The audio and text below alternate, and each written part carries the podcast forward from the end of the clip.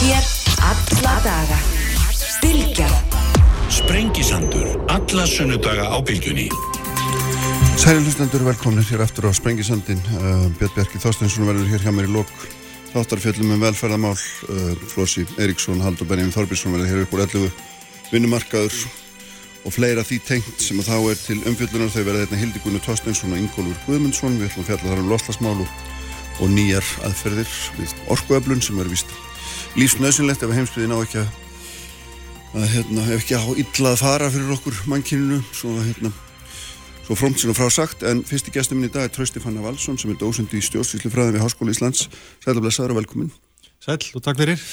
Uh, þú hefur hérna verið að skoða þetta mál, uh, uh, þessar, þessar, þessar kostningar í norðvestu kjördæmi eins og svo margir aðrir og hefur komið fyrir, fyrir undirbúningsnemnd kjörbríðarnemndar að því tilöfni og hérna núna svona er manni sagt að, að þetta fara nú eitthvað að stittast í, í niðurstöðu. Og mér langaði svona að hérna, taka húsaðir varandi þetta, sko, hva, í hvaða átt ef ég má spyrja opið upp í hvað átt finnst þetta vera að þróast?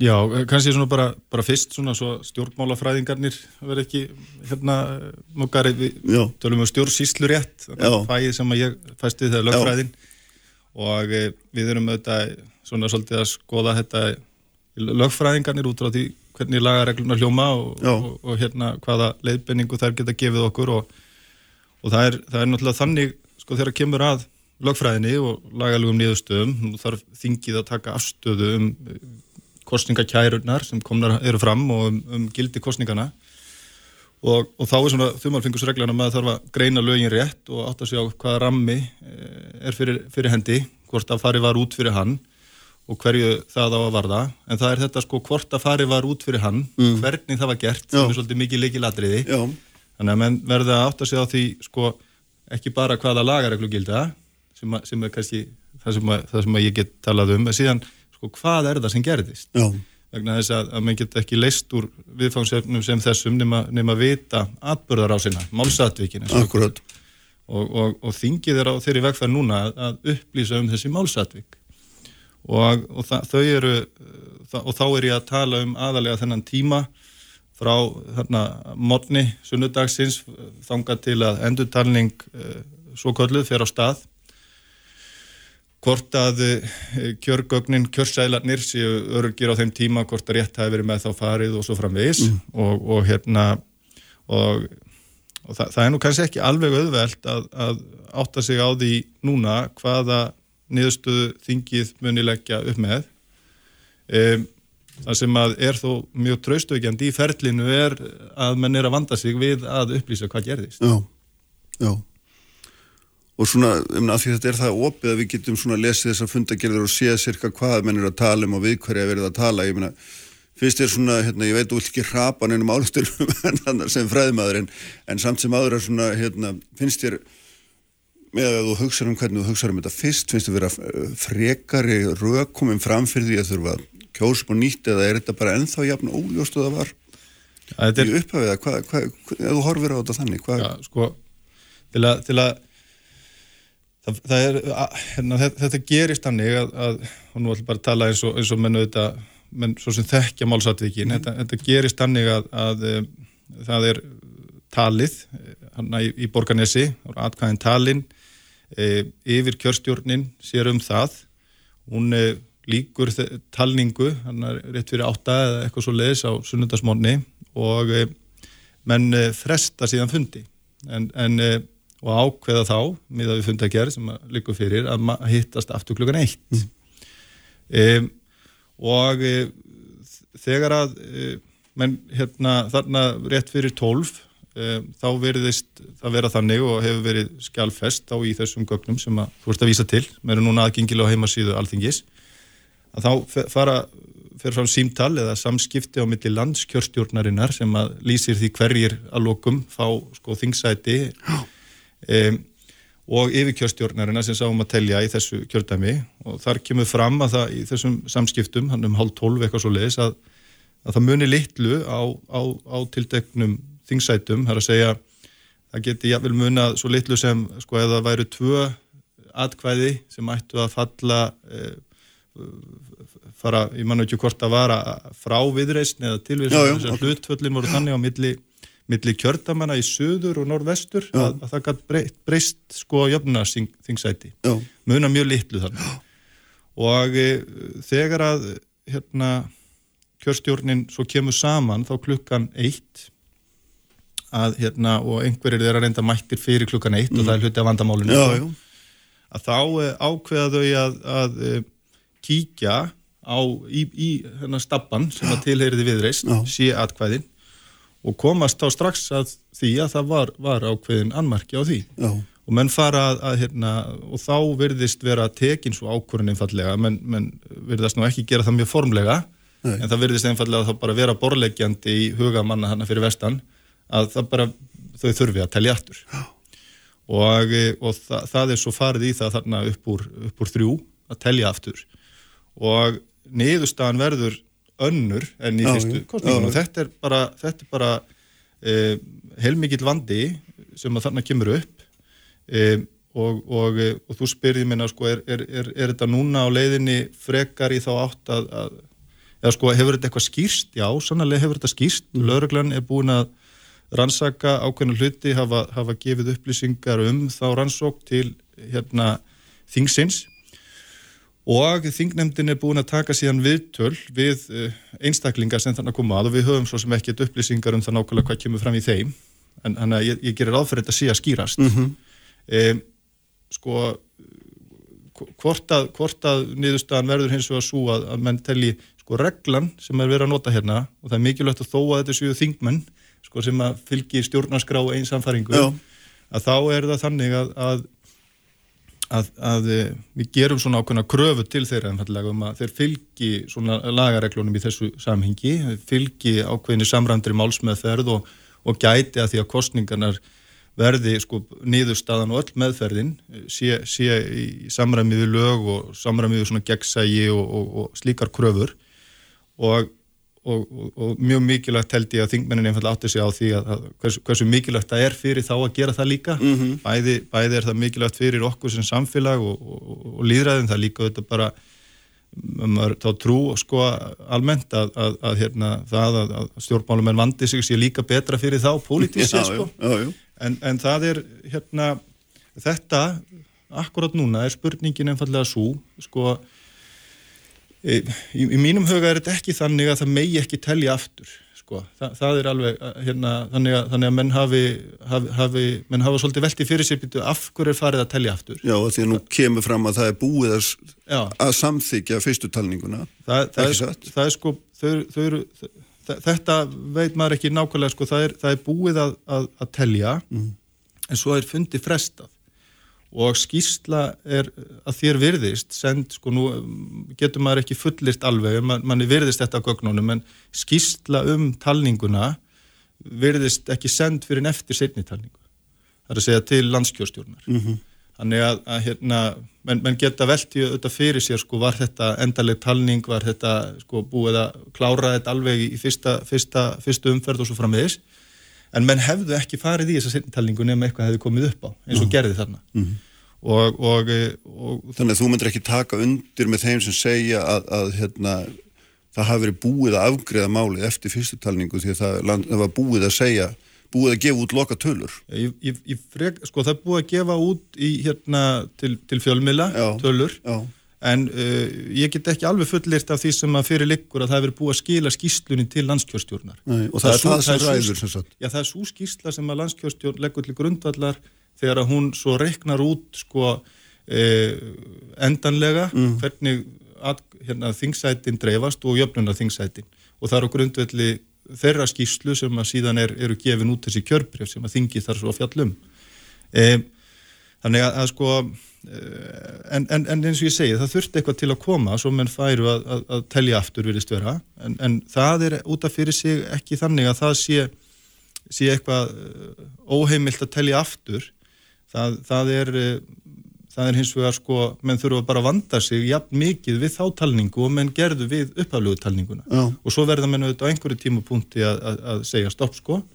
E, En, en þetta er ástæðan fyrir því að þetta finnst mér ekki vera í þessu samhengi aðalatriði sem sagt hvort það var talið aftur eða ekki. Það er ekki aðalatrið að, sko vegna þess að uh, niðurstur kostningarna eru atkvæða selanir og þeir eiga bara ráða. Þannig að sko það, það er hægt að telja þá aftur og væri hægt að telja þá í þriðasinnið og, og niðurstaðan skal þá bara vera rétt með þau atkvæði sem að voru greitt og þessu, þetta, þetta verða mennu að hafa mjög hugfast að, að tilgangur kostningan er að leiða fram vilja kjósandana e, og þess vegna, þess vegna held ég að menn séu sko solti á villigötum ef menn ætluð að segja að það bara mætti ekki taka þetta upp og telja aftur. E, en, en sko á, á meðan ekki búið að gefa út kjörbrif og staðfesta mm. þau sko mm. en síðan er næsta sko, spurning er, hvort að þessi endurtalning sé nú góð sko. Já, það er hann, eitt af því að hérna, menn hafa, og mér Kart Gauti var meðlans hér sem er mjög mikla reynslu af því að mitt að stýra kostningum og hefur verið allstaðar í þessum málum sagði að, að hans mati þá væru bara kjörgögnin ónýtt eftir fyrstutalningun af því að þau hefðu leigið á Glambæk, hver sem er hefðu getað nálgast við, þau voru ekki læstinni, þau voru ekki innsiklu og svo framvegis og, ég meina, Ég, ég... Hva, hvað álit hefur þú á, á þessum málflutningin? Finnst þér þetta standast eða hvað? Já, sko, ég, ég held, að, held að þessi, þessi lýsing sem þú vísar til þarna, að hún, hún er rétt að því leiti að, að, að það eru ágallar á því hvernig þessi salur var vaktaður eða honum lokað og hvernig, hvernig haldi var utanum kjörgjögnin þannig. E, það eru ágallar á því. E, en hvort að það leiði til þess að atkvæða seglarnir séu einfallega bara ónýtir mm. að því að menn geta kasta rýrið á það hvernig farið var með þá að það er, er viðfáðsefni sem þingið er að fást við Já. og niðurstofan um það hvort að, að, að þessi meðferð á kjörgóknunum eigi að leiða til þess að þau hafi eigðilagst á þessum tíma og setnitalningi sé þess vegna ekki margtæk að það er viðfáðsefni sem að þingið er að leiða í ljós núna og er að gera það þannig að þau eru að reyna að fatta hvað gerðist mm. og það séu skýringar á misræmi millir talningana Já. sem eru þá annarsæðlis heldur það er að einhverjum atkvæðaselum hafi verið breytt eða slíkt Já. og þetta er algjörst líkilatriði menn geta ekki að mínum mati sagt núna að setni talningin sé ómartæk sko ekki fyrir en menn hafa þá sko kannad þetta vel Já. og það er, er líkilatri og það er ég ánaði með hjá þinginu að, að standa í þeirri vinnu, mm. fara rapa ekki bara að niðurstöðu. Já, en er, er sem sagt, er, er nóg að það sé uppi umtalsverður eða sé möguleiki á því að tortryggja meðferð gagnana þarna þessum tíma þegar við vitum að þau eru óvarin og óinsikluð mm -hmm. eða þarf bókstallega að sína fram á að við þau hafi verið átt? Er, er hérna Já, hversu, hversu miklu máli skiptir í efin í þessu? Er hann einn og sér nægur til þess að hérna þetta, þetta er, þetta er hérna, bara akkurat kjarnin í því sem að vera er að fástuði núna. Og, og, og hérna og niðurstöðunum þetta er kannski ekki alveg þetta er rosalega aðtökspundið og það er þannig að, að hérna er, er bara efin nægur nei, það, það, væri, það væri alltaf hægt að kasta rýrið á eitthvað til um aður sko, mm. í, í svona, svona kostningureglan sem að hérna reynir á. E, er sko það er sem sagt, það segir í, í hérna... En býta aðeins, nefnir að stoppa þarna. Þú segir það er alltaf hægt að kasta það það er ekki alltaf hægt að kasta í það allt, ef að gögnin eru innsiklu og þau eru í lokuðu herbyggisframvið, það er ekki hægt að kasta í það en af því að þau eru einmitt ekki svona. Já, já. þess vegna Já, alveg, alveg rétt, þetta var auðvitað ónákvæmt orðið hjá mér og, og það er en það er sko, við höfum sko, við höfum hérna, það, það er alls konar alls konar atrið sem uppkoma við framkvæmt kostninga og í talningu mm. til dæmis. Man gætu uh, haldið áfram að telja sko aftur og aftur og aftur oh. til dæmis vegna þess að menn, uh, það er eitthvað sem mann ekki treysta sko. Um, en sko það segir í hérna og auðvitað er ástæði fyrir því að við erum að velta þessu fyrir okkur þarna. Þetta var, það var voru já, ágallar. Sko.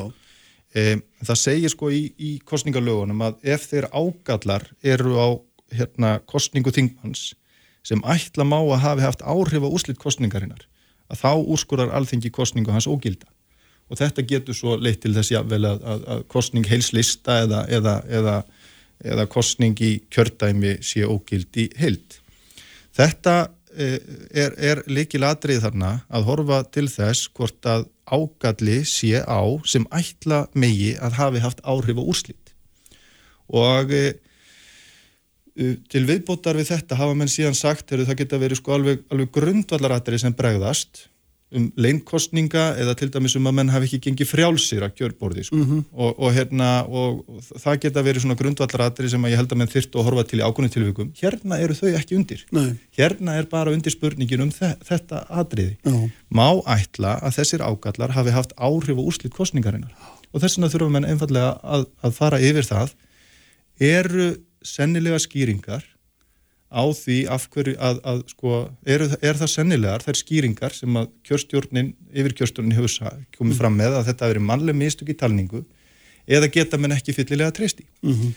og, og þarna reynir einfallega á þá uh, þetta mat þingmannana þegar kemur að því að þeir taki ákvörðun um, það er ekki nóg að það sé bara einhver vafi að því að spurði bara svona alveg eh, hérna eh, síðan er spurningi sko hversu mikill er vafin hér? Já. og, og það, það, er, það er bara eh, hérna mjög erfitt að, að, að, að svara því akkurat svona. Ég, ég, en ég segi hins vegar það verður að vera tölu verður vafi, það verður að vera eitthvað sem bendir til að, að, að meðferð kjörgagnana hafi ekki verið í lagi með þeim hætti að það hafi haft áhrif á niðurstöðu kostninga vegna, þess vegna þess að við getum ekki já, mikilvægt á það er og að þetta sé rétt og það sé tröst á þessu og að við höfum þá reglu að geta kosið upp það er gríðilega mikilvægt atriði og, og algjörst líkil þáttur í, í kostningakerfum að, að geta bröðist við galla já. með því að sko bara eitthvað domstóðlega þing ákveð ekki niðurstöðuna heldur getur við kosið aftur já. það er mjög mikilvægt en á sama tíma er líka mjög mikilvægt að niðurstöður kostninga standi þannig að það sé ekki hægt að sko með einhverjum aðferðum að kasta rýrð á þær og, og þurfa að fara að kjósa aftur af, af því bara að einhverjir eru ósáttir Já. það myndi vinna algjörlega gegn Já. tilgangi og, og, og festu í, í hérna, þessu líðræðislega kerfi Já. En þú notar hérna orðið mat er, veist, það er, við erum á þeirri stað þegar að þingið hérna uh, þarf að fella einhvern kom einhvern lokadómi í þessu eða nefnd, þessar nefndir. Þá er það byggt á mati, þetta er ekki með öðrum orðum hérna. Að, að einhverju leiti munu verða þann atriði það sem er orðamóta orði hugsanlega. E, það, sem að, það sem einhver kemur og segir já þetta er bara orði eins mann sem var með atkvæðin í einn og halvan tíma já. og við getum ekki verið viss og hvernig, ætlu, hvernig, hvernig lítur það út til framtíðar sko. -hmm. og, og hérna og, og það, er, það er bara það sem að það vald sem að þingið hefur að taka ákurun um það hvað það þingmenninir hver og einn, mm. hvað þeir telja sannað í þessu og þetta er ákveðin svona almenn skinnsemi sem verður að ráða niðurstöðunni til um aður. Það, það er, að einhverju tímafond er það líka þannig til dæmis að þú værir í dómsmáli að það verður einhvers konar sönnunam að dómarans Já. sem að ræður, það, það getur vel verið að við getum ekki leitt allt í ljós með einhverjum hlutlegum gögnum en það er gríðarlega mikilvægt að reyna það sem allra best Já. og það er það sem þingið er að gera núna minga þá þetta, þetta hérna, sveri að þessa, þessa, þetta svið sem maður þarf að leysa úr með einhverju huglegu sönnunamati en, en, en á það getur alveg reynd að lokum og þá verða menn að hafa í huga þessi, þessi sjónamið þetta er, þetta er uh, hérna að, að við, við kjósum helst á bara þá stjórnmálamenn sem að sína almennaskynsemi og heiðalega En hvort er í raun og veru sko viðluta meira, hvort er, hvort er hérna sko, já, við höfum hluta meira að, að fara út í að kjósa aftur sem er mjög stór ákverðun eða að samþykja kostningu sem að menn kannski innstinni er ekki alveg 100% vissir um að hafi verið rétt. Það er, það er hérna ég hvort er viðhluta meira, það, það finnst mér að velti á, á, á því hvernig myndin er þegar búið er að sapna saman gögnunum og skrifa þessa skýslu hérna, eða þessi, þessi greinar gerir komið frá þessari nefnd sem að er, að er að meta stöðuna núna.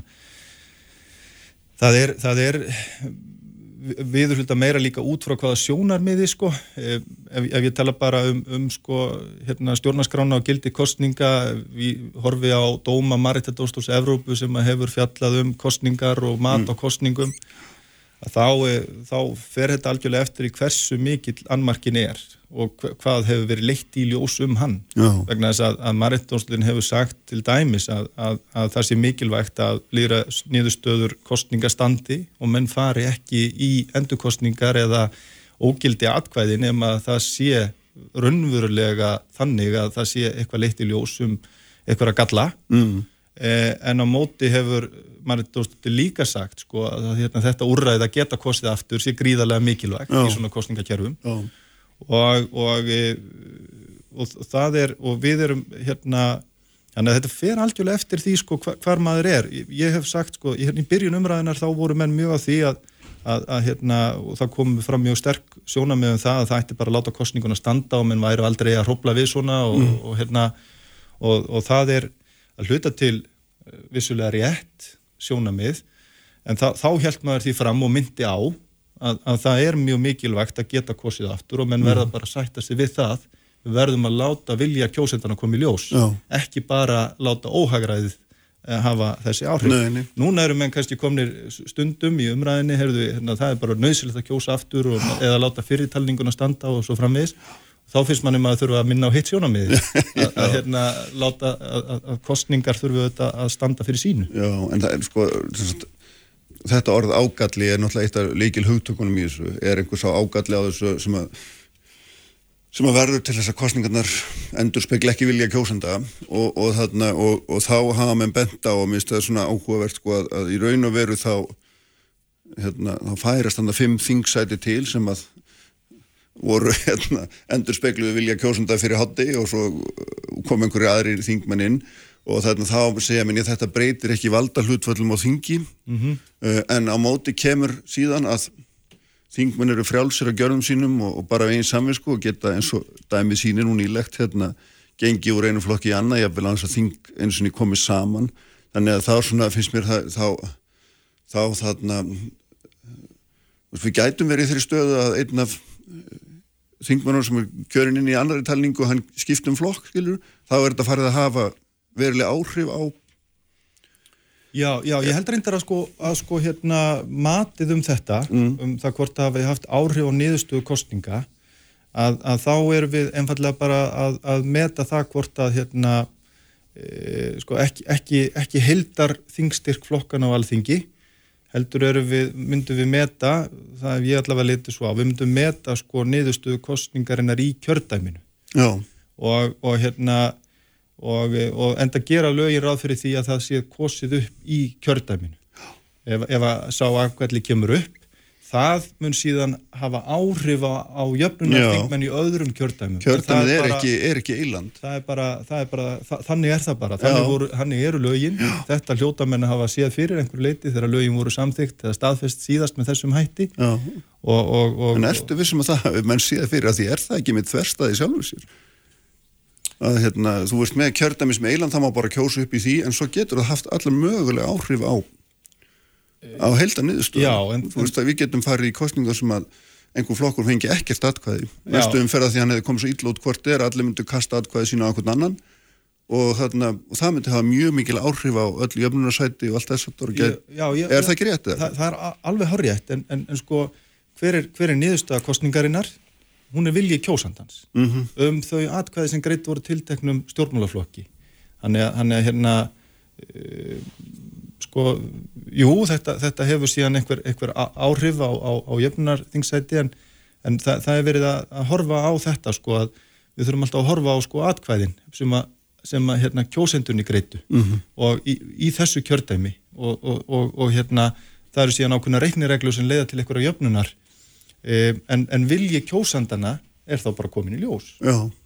E, og, og það, það er Þannig að, jú, það, það, þetta er hægt að nálgast út frá þessum tveimur sjónarhórnum. Það er hægt að hugsa þetta svolítið mikið út frá þingmönunum, en það er líka bara hægt að hugsa þetta svolítið mikið út frá atkvæðunum. Og það Já. er það sem ég er svona að leggja á þessu. Já, þannig að það sé, það sé, það sé bara rétt að tellja bara atkvæðin og leiða niðurstöðu þeirra, í, þeirra kostningar í ljós, Já. en við erum ekkert að hugsa um það hvað Já, svo eru er, er hitt bara lagareglur, reiknireglur sem hafa þegar verið lögfestar og, og ráða því hvernig, hvernig hérna, viljið kjósendana hefur áhrif á þingsæti. Mm -hmm. En hvað finnst þér að því að þú, þú náttúrulega nálgast þetta frá lögfræðið sjónum, en það eru náttúrulega fleiri sjónum, það eru síðferðlið, það eru líðræðsleg, það eru pólitísk, og það er ekki síst hérna bara ásýndar, ásýnd kostninga þannig að einhvern veginn að kjósendur trúið því sjálfur að viljið þeirra sé í raun og veru leittur í ljós með algjörlega útfýraðum hætti.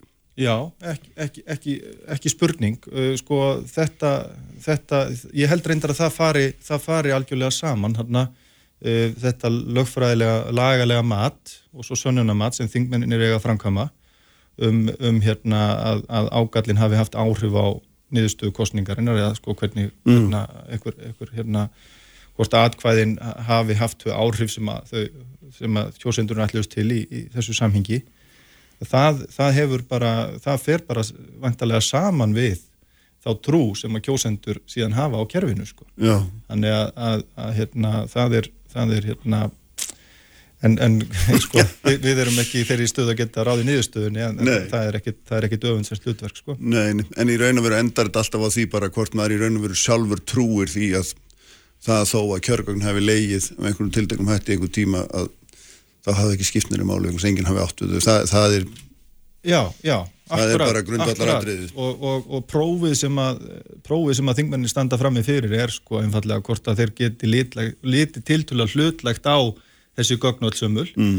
og, og komist að, að niðurstöðu sem að stend svona einhverja prófun almennar skynsemi, getur við sagt, eða hvort þeir láta pólitíska stundarhagsmunni á einhverju leiti ráða í hvernig þeir greiða atkvæði. Já. Það er svolítið prófið, það, það er auðvitað ágallin við þetta kerfi okkar.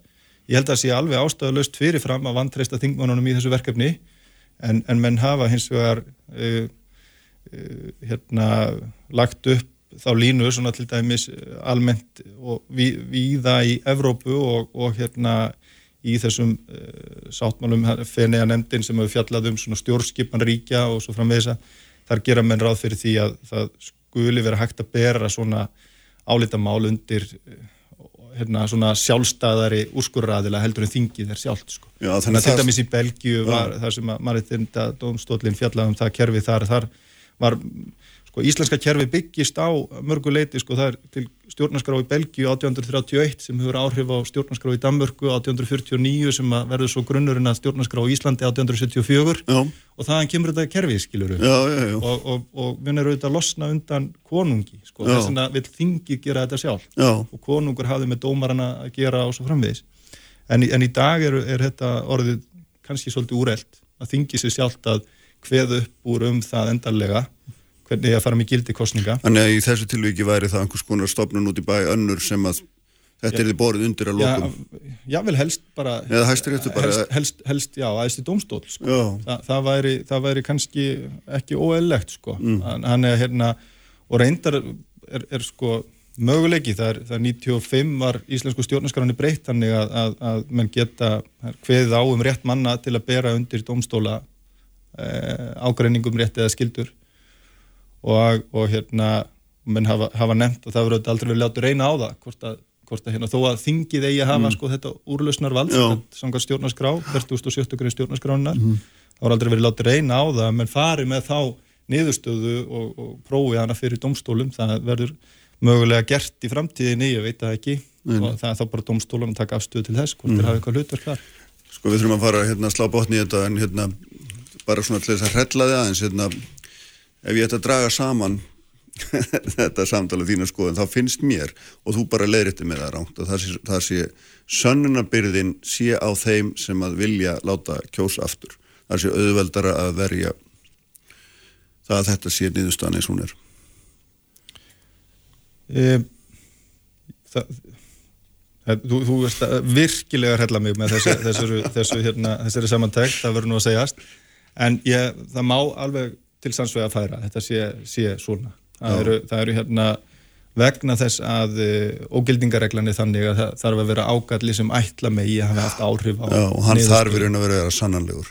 Hann, þarf að vera búið að færa allavega þær líkur að sko, skilur þú, Já. þetta verður að lokum hérna, þetta verður að lokum svolítið snúið að, að leggja akkurat línuna um þetta. Og, og þetta er mikið heildarmat á öllum, öllum atvikum og þess vegna er maður ekki tilbúin að setjast alveg í dómarasætið. Ekki nema að hafa haft, þú veist, tvær vikur til að setja sig vel inn í það sko. Nei, það er bara akkurat það sem ég ránaði með að þingi er að gera. Nákvæmlega. Og þú kemur aftur fyrir nefndir núna ekki snæmi þessar vikum Það, ég, ég hef ge- gert verið bóðaður á fund um, en, en það, það eru, það eru hérna vantarlega svona meiri svona eitthvað prósitur atriði sem þau eru að velta fyrir sér og, og, og, og hérna og ég, ég veit ekki nákvæmlega hversu mikið lið maður getur lagt nákvæmlega en maður auðvitað svara kallinu. Ljómandi, trösti, takk einlega fyrir að koma. Takk. Og ég ætla að fara hérna í loslasmáluna eftir með Hildigunni Tóstinsinni og Ingólfi Guðminsinni Sprengisandur, alla sunnudaga á bylgjunni. Sprengisandur, á bylgjunni alla sunnundasmórna. Sæli hlustendur, þá er hann farin frá mér hann Trösti Fanna Valsson eh, eftir frólega yfirferðum ástandið í eða stöðuna í þessu þessu kostningamáli í norvestu kjördæmi og hérna og hlutskipti þingnefndarinnar sem er að leggist yfir það mál og þarf að útskera úr en það hvort að þarna hafi allt farið fram með réttum hætti. Nú, uh, uh, Björn Bræði, Björn Bjarki Þorstensson verður hér lók þáttur, ætlum að fjalla þá um velferðamál og þeir verða hérna eftir Haldur Benjamin Þorbergsson og Flósi Eiríksson, uh, vinnumarkaðurinn og ymsa svona eitt og annað honum tengt. En sestur í hjá mér Hildigunni Þorstensson og Ingólu Guðmundsson, komið sæl og blessu og velkomin bæðið tvö. Takk. Uh, Hildigunnur er framkvæmt að stýra hérna, rannsóknar og þróunar hjá Orkuveitur Reykjavíkur mm -hmm. og Ingólfur fórstjóri Carbon Recycling og þarna ástæðin fyrir fægur hingað saman er auðvitað þessir ástæfna COP26 hérna í Glasgow þar sem að hérna mann er skilsta heimurinn sjó heljar þröm og við snúum ekki tilbaka með eitthvað gott samkómla þá bara hérna stefni algjörst óöfni og við snúum ekki kannski áftúlka það en, en og svo segja söminni að þetta er nú ekki síðasta ráðstöfna sem verður haldin og allt það en allavega það er, hérna svona, það er heimsamkómla held ég alveg um það að, að við verðum að hætta að neyta, nota jarðefna elsniti ekki spurning. Og hérna og, og ennum leiði líka vitum við að án orku gerum við ekki nokkur skapaðan hlut. Og þetta er náttúrulega stóra verkefni framöndan því erum við bæði í orkugeranum og, og hérna vinni við að fá hugmynd, góðar hugmyndir og framkvæma það hvernig við getum hérna breytt orku notkun okkar og fundi nýja orku gjáðs framvís og það er það sem er langar eins að ræða viku hversu hérna raunhaft er þetta fyrir 2050 verði allir orðnir kólefnis hlutlausir og hva, hvernig förum við að þessu eiginlega? Því fyrir ekki að þetta er svona lítil og létt spurning. Já, þú kannski byrjar hérna, þú ert í jarðhittan og varst að tala um hann á jarðhittarafstöfning getum byrjað þar en ég menna ef þú svona horfir aðeins yfir þetta svið. Sko ég held, ef við, ef við byrjum bara í jarðhittanum við, við hefum náttúrulega sínt hvað, hvað jarðhittin skiptir miklu máli í húsitun hér heima. Já. en hann hefur ekki náð til dæmis að breyðast út á, út á þeim vettfangi í þeim mæli sem hann getur um allan heim sérstaklega er mörg lönd sem eiga bæði sko, heitt vatn í jörðu en líka olí og gas. Og þau notu olí og gasi til að hita húsin sín en ekki jarðhittan þannig að það er mörg tækifæri þarna úti til þess að nýta jarðhittan beint miklu meira. Og það var svona svolítið breyting á, á alþjómstingi jarðhittan sem var núna hér á Íslandi í vikunni frá því sem var fyrir átt að vera 5 árum en eða 6 árum. Já.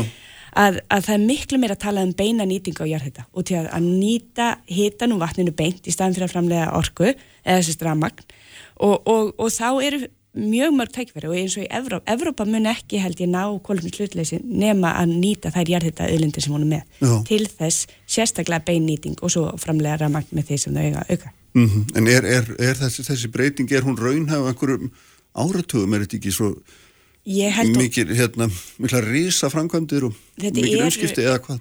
það eru hitaveitur á mörgum stöðum í, í Evrópu, nú getur breytt yfir í jarðhita hitaveitur og, og eitthvað svona blandaða lausn, þar sem að jarðhiti er, er svona grunnurinn af kerfinu þar sem að er, þá ert alltaf með hitan þar og svona er það einhvern veginn að toppa hann upp. Það eru, það eru mjög metnaðfull verkefni að fara á stað í Danmörku í Þískalandi, mikill hérna vöxtur í, í Hollandi og þetta er nú ekki lönd sem eru þekkt fyrir eldfjöll. Nei, svo sannarlega ekki.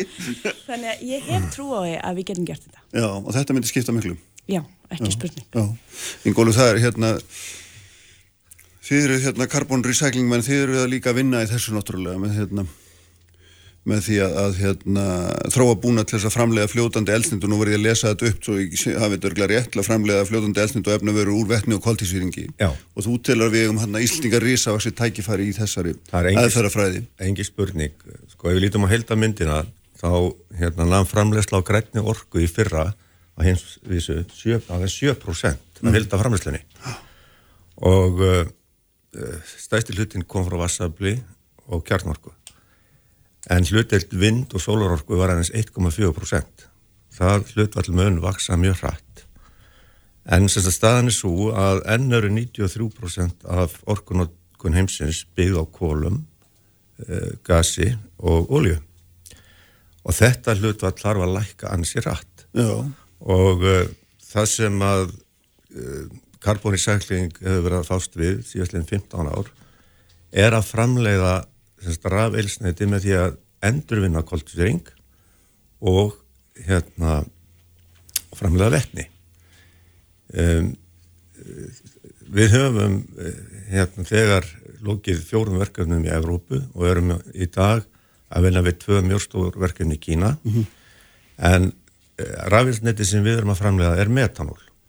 Og metanól er í dag eh, framleitt, framleistan nefnur um 100 miljónum lítra á ári og framleistan er fyrst og fremst í dag að gerð með því að nýta kól og gas en við erum þess að nýta vettni og endurvinna koldstring sem að náttúrulega skiptir miklu máli Já. og til dæmis Er þið þeir að fanga hann úr andrumsloftinu? Já, nei, við, við, við, við, höfum, við höfum nýtt koldvísering bæði frá jarðvarmavirkinin í Svarsengi við höfum tengt okkar búnað við stærsta kólorku verið í Þískalandi við höfum líka eh, tengt okkar búnað við stórt stáluðuver í Lúli og í Svíþjóð.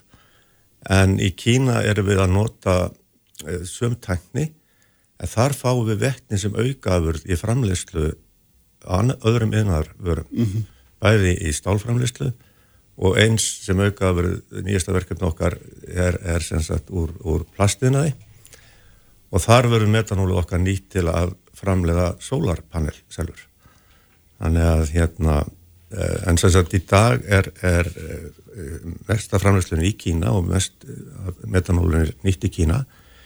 Metanól er bæði nýtt sem orkugjafi en að mestu leiti en þá sem efnavara. Og eh, reyn og veru þá er eh, er allt sem við erum, erum að sjá hér inni það er metanól notað við að framlega það. Eins og til dæmis eh, það sett í málingu, lím eh, plastvörur, íspessur og svo framvegis, þannig að þetta er mjög mikilvæg efnavara sem, að, sem við þurfum að halda.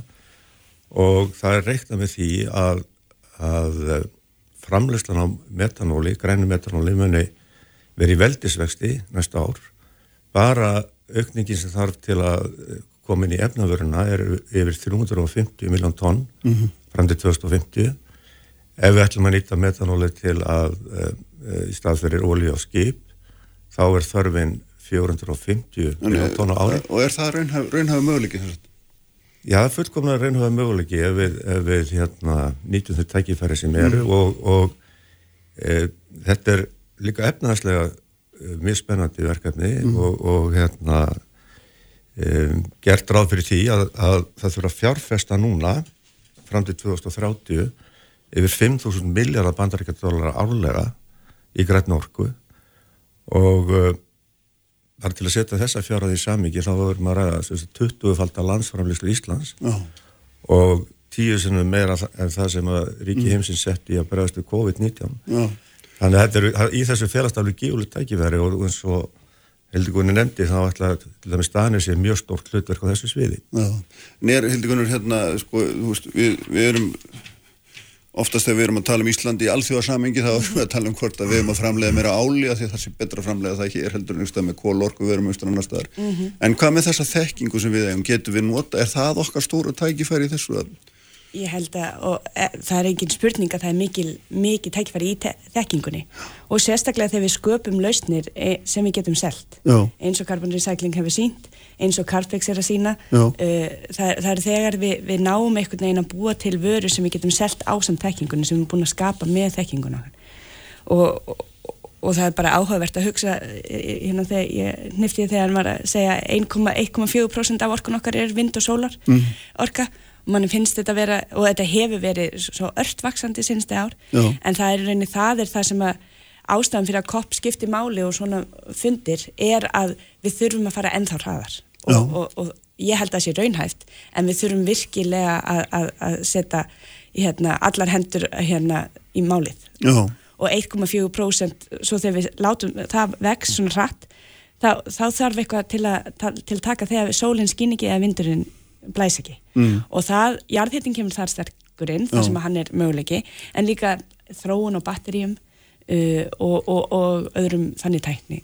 annar þannig tækni. Já, það, og svo, finnst þér til dæmis að, að því að þegar maður er að horfa á þessi, þessi markmið því nú er allt í einu að fara að tala um sko, það var að tala um 2050 en nú á þessari ástöfnu erum við að tala um 2030 það er nú bara morgun að það þurfum við að vera kominir hérna ekki bara, það þurfum ekki bara að vera búið að ég held að vera sko hérna orkumlega ráþrann í á nýja sjálandi sem að sko hann sagði við höfum átta ár til þess að klára að setja stefnuna, innleðana, reynana og láta hann á árangri.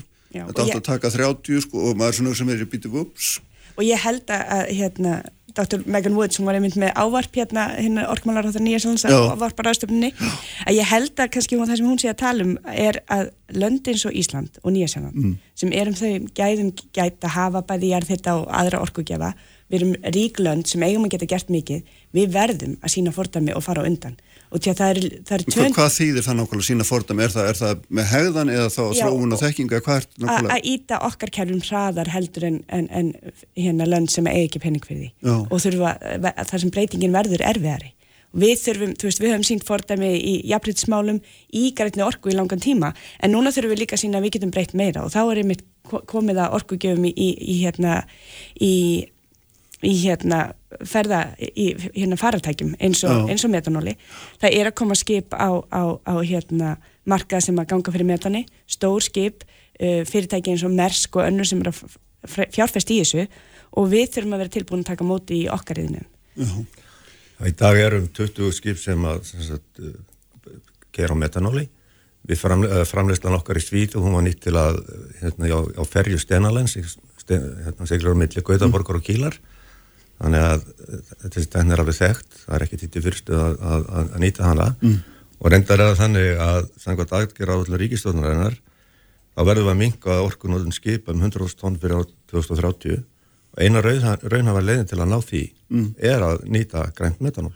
Já, en ég er hægt að, þú veist, náum við að framlega upp í þessa þörf. Ég, sko, við get- þú við getum- manni finnst þessi markmið Sko- þau eru orðin svo svakaleg að Svona fyrir sko, leikmann þá sér maður þetta ekki alveg hendi sér sko. ef, ef við nýtum þann koltsýring sem að eh, kemur frá Elkem og Grundartanga og PCC og Bakka að þá og jarðvarmavirkjanunum þá getum við eh, algjörlega skipt út ólíu fyrir, fyrir eh, hérna, metanól í íslenska sk- hérna, skipalhotunum, það er alveg hægt. Og uh, við getum framleitt sem sagt 70% af orkunni sem notur í dag með þeim koltsýringi sem er til í landinu um, restin ætti að geta komið með betri orku nýtingu og minni nótkun líka. En, en uh, þurfum til að framlega þetta skipailsniti 500 megawatt og til samanböra þá er hérna, Kárinhúka virkjun um 700 og uh, sennilega er besta leiðin til að ná þessu að fara að nýta vindin Nú er aðeins, nú ertu að tapa mér en hvað meinar Nei, nei, að fara- við, við ætlum að bæta við í, í Já, kerfi hjá já, okkur já, bara nýta vind almennt, já, Já, ekki, já. ekki, ekki Ekki þennan feril nei. Nei, nei, nei, nei, nei. En, hvað, en, sem sagt En bara, það er, það er ekki nöðsilegt að, að okkar mati að byggja einhverja stóra vassaflirkjanir. til, nei, það er hægt að nota þann kvaldvísýring sem fyrir er í við erum að spúa út fyrir Já, en en svo hvort er, er að hann, hvort er betra að nota hann í þetta eða senda hann í jörðina með karfisk? Ég held að, að þetta verði alltaf blanda og það fyrir að- aðstæðum á hverjum stað. Þú veist, rannsóknir hafa sínt við, við sem heimur losum það mikið af koldíóksið og það, sá, það koldíóksið við munum ekki ná að losna við hérna, með því að breyta okkar kerfum. Við munum nýta um 10% af því í yðnaðferðla eins og þetta. Mhm. og, og ég- sumir segja jafnvel minna. Þannig að restina þurfum að losna við Já. og svo hætta að nota og, og því að þetta er, koldíóksið kemur náttúrulega úr alls konar, ekki bara bílunum okkar og, og, en stálframlýslu, álframlýslu þessu sem að Já, við nýtum okkur nánast byggja- sem við gerum er það Já, ekki, já. þetta hefur allt þetta í förmið sér og þess vegna er maður líka alltaf að velta fyrir sér veist, er þetta raunhæft að að draga úr umsvifum í hagkerfinu? Við Við verðum, verðum að auka umstöðunni í haggjörðunni. auka þau. Já, Og, og sko, bara sem dæmi að verkefnin okkar í Kína, þau eru mjög arbær já, og, og að því að þar eru að fá hérna, vettni sem aukaður í framherslunni. Við erum búin að vinna núna í 2,5 ár með ríkisfyrirtækinu statskraft í Nóri að fyrsta verkefnin okkar þar. Það er hérna, aðal kostnæðarinn við að framlega algjörlega grænt metanól er, er fólkin í kostnæð við rafgreininguna, rafgreina framlösluna og það er leiðin sem við fórum hérna í Svarsengi mm. Vestmiðan sem við erum að, sem við erum að byggja núna í Kína eru 25 sinni starri en þær en svo Vestmiða og svipuð starfur á Vestmiðan í Nóri en þar fyrir við 120 megawatt sem sagt ég er rafgreina framlöslu já, og uh, það er gert ráð fyrir því að það sama, sama þróun verði varandi kostnaðin við þessa framleyslu og hefur ásýst að í vind- og sólarorkunni.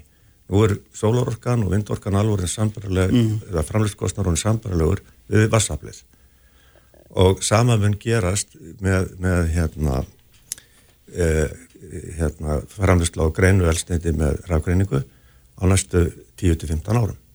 Þannig að eftir svona kringu 2085 Mhm. þá verður rafisneiti orðið fullega samgefnisverð við olju þá eru bara, þá þegar orðið fimm, fimm árum og seint. Já, en, ég menna við þurfum að þetta, þetta gerist ekki allt í einu. Nei, en er, er ykkar hlutverk í þessu þessum stóru verkunum, er það satt fyrst og næst að fara með þekkinguna sem búið er að búa til hér Já. og selja hana per se í Já, við erum ekki að byggja vesmiður og rekkaður, við erum að Nei. selja þekkinguna já, og það sem er líka mjög mikilvægt að átt að sjá þessu, það er ekki nóg að bara framlega rafmagnið heldur þar að, þar að hérna, er, er, er aðal flöskuhálsin við í dag sérst fluttningsnetið -hmm. og við síndum það með okkar tækni í Þískalandi að við getum verið að framlega græna orku þegar að það er oframbað að, þegar orka nýtist ekki í rafkerfinu. Og það er mjög við að þannig til dæmis í Norður-Nóri, það verður að framlega orku sem ekki nýtist, mm. vestmiðan sem við ætlum að setja upp, hún verður þar, þar eru að fá ódýrari orku heldur en á Íslandi vegna þess að það er oframbað orku þar. Mm -hmm. það, sá, þá orku er líka hægt að sagt, geima bara í fljótandi formi. Já, og, og við vorum í Þískalandi voru að framlega sagt, þegar að vindmjöluna voru fulla framlega og orkan komst ekki sagt, var ekki nýtt. En þegar að vantað orku þá, þá, þá stöðum við okkar framleyslu já, þannig að þið lægið ykkur af frambóðinu Já, En þetta kemur kannski að mjög mikilvægum Já, punkt í þessu öllu saman og það er þetta að nýta betur. Já. að nýta orku þegar hún er eitthvað starf umfram í aðra framleiðslu og í rauninni það, það sem við getum gert betur hér er að, að við byggðum okkar kerfi þú veist, við byrj, byrj, byrjum að byggja hitaveitunum 1930 í Reykjavík og það var ekki út af lofslagsástæðum, það var út af því að efnaðarslegum ástæðum og, og, og orku öryggis, við vildum hafa þetta innlend elsniti og og ég held við getum gert betur í orku nýtni bæði fyrirtæki og einstaklingar. Og ég held að, að það, það og með allan heim þú ert að breyta kerfum þannig að þau nýti betur orku. Þú ert að þjætta byggð, við sjáum það hérna í Reykjavík að setja fram hverfiskipulega er ekki einfalt mál. Það er að taka þessa umræðu og þess vegna þurfum við að byrja að snemma út því að þetta er ekki auðvelt verkefni. Þetta þýðir breytingar fyrir okkur öll. Og við þurfum að tala og eiga, taka þessu umræðu í þjóðfélaginu þannig að við séum tilbúin 2030, 2050 er, er einhver svona, þetta er alltaf hérna, áhugaverti að því að við erum, við erum eiland, Já. okkar orku kerfi bara ringur lokaður. Já. og þarna og þegar menn voru að tala um sæsting þá vorum við mikið að tala um að við getum framleitt og selt út en við getum líka keift orku ef okkur vantar hana. Já. þannig að þetta er svona vinnur í báðar áttir.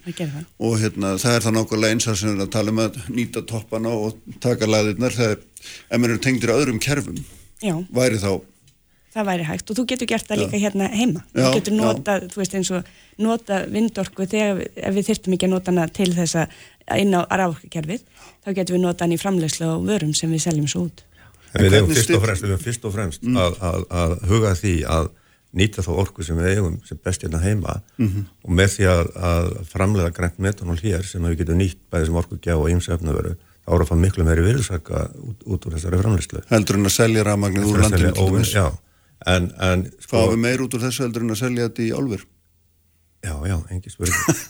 e, sko, að loka en, en, en, en, en, en sko ríkið er búið innhemta frá 2009 Já. 44 miljardar í, í kólöfniskatta af notkun skipa og, og hérna, bíla á jörðarsneiti það er búið að setja nokkra miljardar í hlæslustöðvar og, og, og hérna, fellanðu verðskarskatt og vörugjöld á, á ramaspílum en við hefum náttúrulega ekkert gert á öðrum sviðum.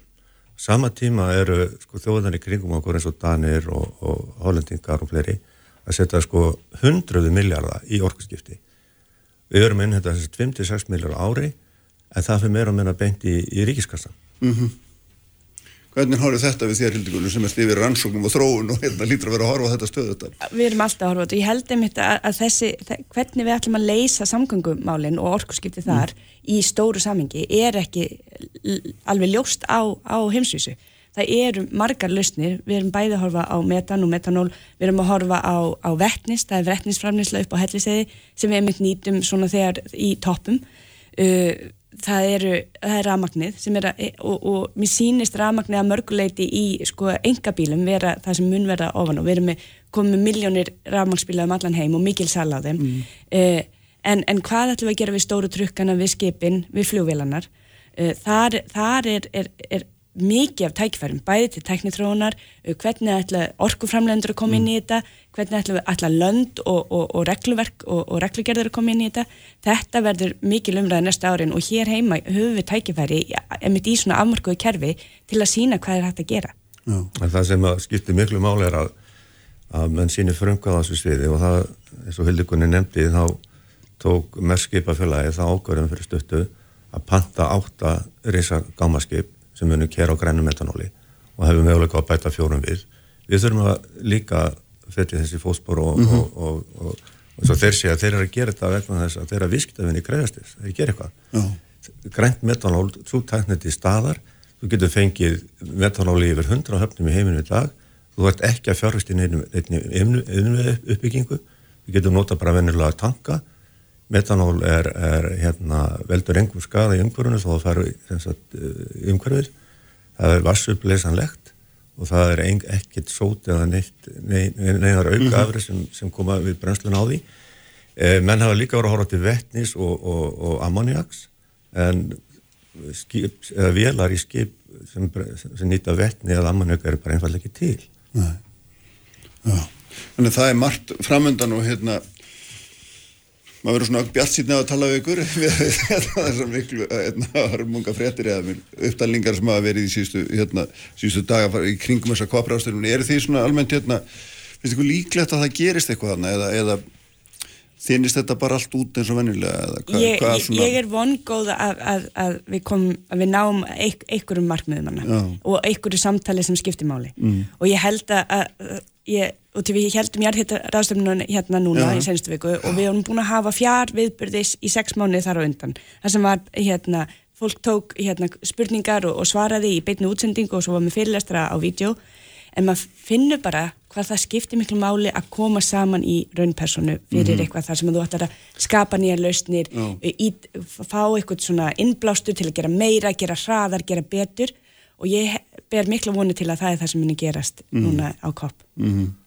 Hvað heldur þú fingulur? Já, ég tek alveg undir þetta og það sem við verum að sjá það er gífulegt fjármagn að koma inn í þessi verkefni í dag og bankar og, og, og fjármálstofnunir eru hættar að, að fjárfesta í, í kólaverkefnum og, og nýri ólífi vinslu Já, en maður tala alltaf þetta sem mikið létt og skilur að hætta fjárfesta í kólum og ólífi það eru miljónir, miljónir manna sem að vinna við þetta.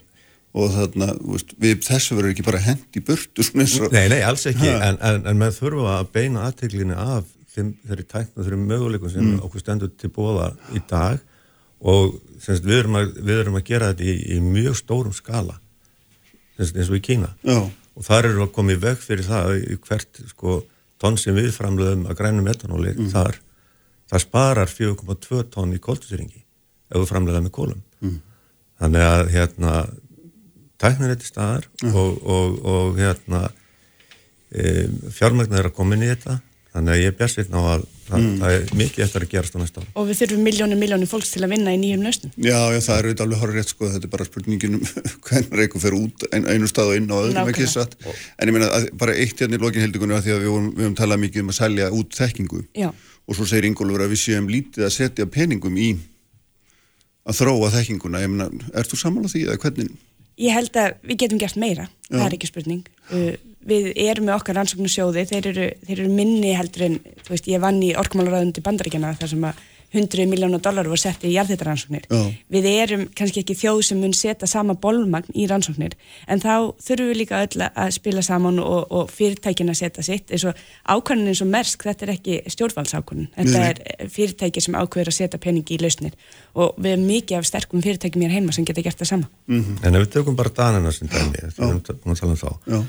að þá er danska þingi búið að samþykja núna 17 miljardar konar framlag í sex verkefni tiltekinverkefni sem snerta grænorkaframlislu mm. þeir allir sér að byggja tvær eigjar fyrir utan, aðra fyrir utan Esbjörg og hinna fyrir utan Borgundarholm og það eru sko, verkefni sem danska ríki mun fjárhversta beint í. Og gífurleg starfða verkefnum.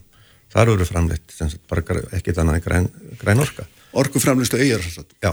Og þeir eru, þeir eru núna nýlega búin að rákvæða að samina fjóra sjóði, ríkisjóði sem mun að hafa fjárfyrstingu að geta upp á hérna 500 miljardar krónan til eh, 2030 þannig að það er, það, er danska ríkið með sína, finnst mér mjög gott fordami með því virkilega að, að íta við því að þessi þróun er sér stað. Og þeir sjá fram á að aukna atvinnu Já. og hérna auknar gældristekjur þeir eru mikil tækifri Allir vinna. Ljómandi. Herru, takk fyrir að koma bæði tvö Ingólfur og Hildigunnur þeir verða hérna hjá mér Haldur Benjamin og Flósi Þorgesson eftir regna blik. Sprengisandur. Alla sunnudaga á bylgjunni.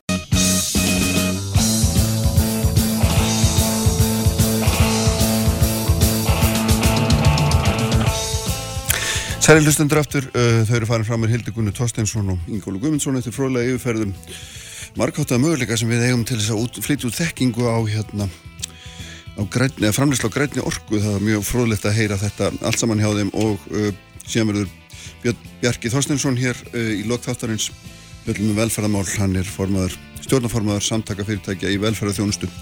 En þeir eru sestir hérna hjá mér Flósi Eiríksson og Haldur Benjamin Þorbergsson. Flósi þetta frá staðskreina sambandinu og Haldur frá samtökum atvinnulífsins. Þetta eru, þetta eru aðilar vinnumarkaðarins svo kallaðir og, hérna, og það er svona merkilegt að þarna, þegar maður situr hér með aðili vinnumarkaðins að, að Þorsten Pálsson var nú að skrifa skemmtilega grein í fréttablaði held ég á fyrstæðin eða þarna, um það hvað hvað hagsmuna samtök ykkar meðal annars væri orðin hérna, atkvæða mikil og hvað við stýruðu málumlegri umræði í landinu að miklu hérna, krafti og stjórnmálflokkarnir ætti ekki róðið og þetta var nú svolítið svona tilfinningi sem ég hafi líka í kostningabarótun þess vegna nú svona skemmtilegt að þið eru að skiptast á skoðunum með það núna hvernig hérna, hagur okkar verði best tryggður og deilið um það hvort við höfum að hækka lámaslaun eða hafa það eins og þeir eru Flósið, þú hefur verið að vitna í nýja Nobel-söluna hafa það að það hérna nú sé búið að kollvarpa öllum kenningum um það að lámaslaun eða vera lágheldur um mitt sér rétt að hækka þeim Ég svona kannski ekki að segja að Nóbelsvölinu hafi kollvarpað um þau öllum kenningum en það kemur þess að fram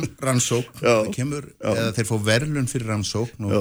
er hún ekki 30 ára gömul eða eitthvað svo leiðis en, en, en þeir fá Nóbelsvölinu fyrir það Mm.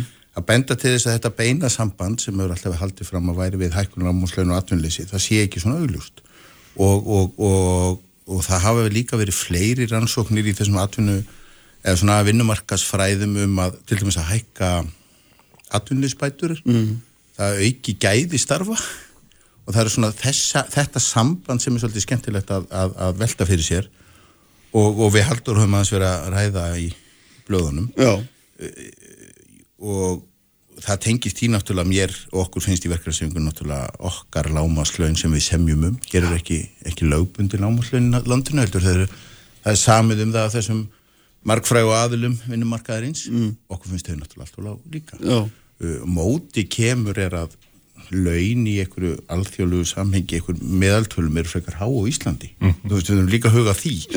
Og, og, og, og svo er líka dýrta líf á Íslandi svo að það er alls konar það er margar mjög flóknar breytur í þessu og það sem ég fannst aðteglisvert við þessi þessa viðkenningu Nóbusverðununa nefndarinnar og, og, og var sko að menna væri að hugsa þetta upp á nýjan hátt. Ég er ekki vissum að séum konum með niðurstöðuna en mér fannst þetta að opna á nýja hugmynd og, og við haldur munum mættilega hittast í borgatúnin í Karpúsinu á næsta ári þar sem þarf að það er sem þarf að ræða þetta í alvöru ekki bara svona í Já, það er það sem, sem Ekki þarf að- teóríunni, heldur. Nei, heldur það sem, og þar sem þarf að ná ykkur í niðurstöðu Já, Já, ég einhvern veginn orkast þetta þannig að ég er bara svo kurteis að ég tók eftir þessari grein sem að Flósi skrifaði.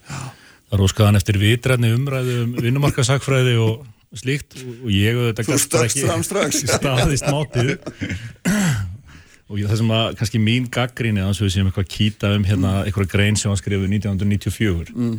Það fannst mér Flósi svona beita því stílbræði að draga já, alltaf því einfeldningslegar svona álíktanir út frá þessari rannsókn.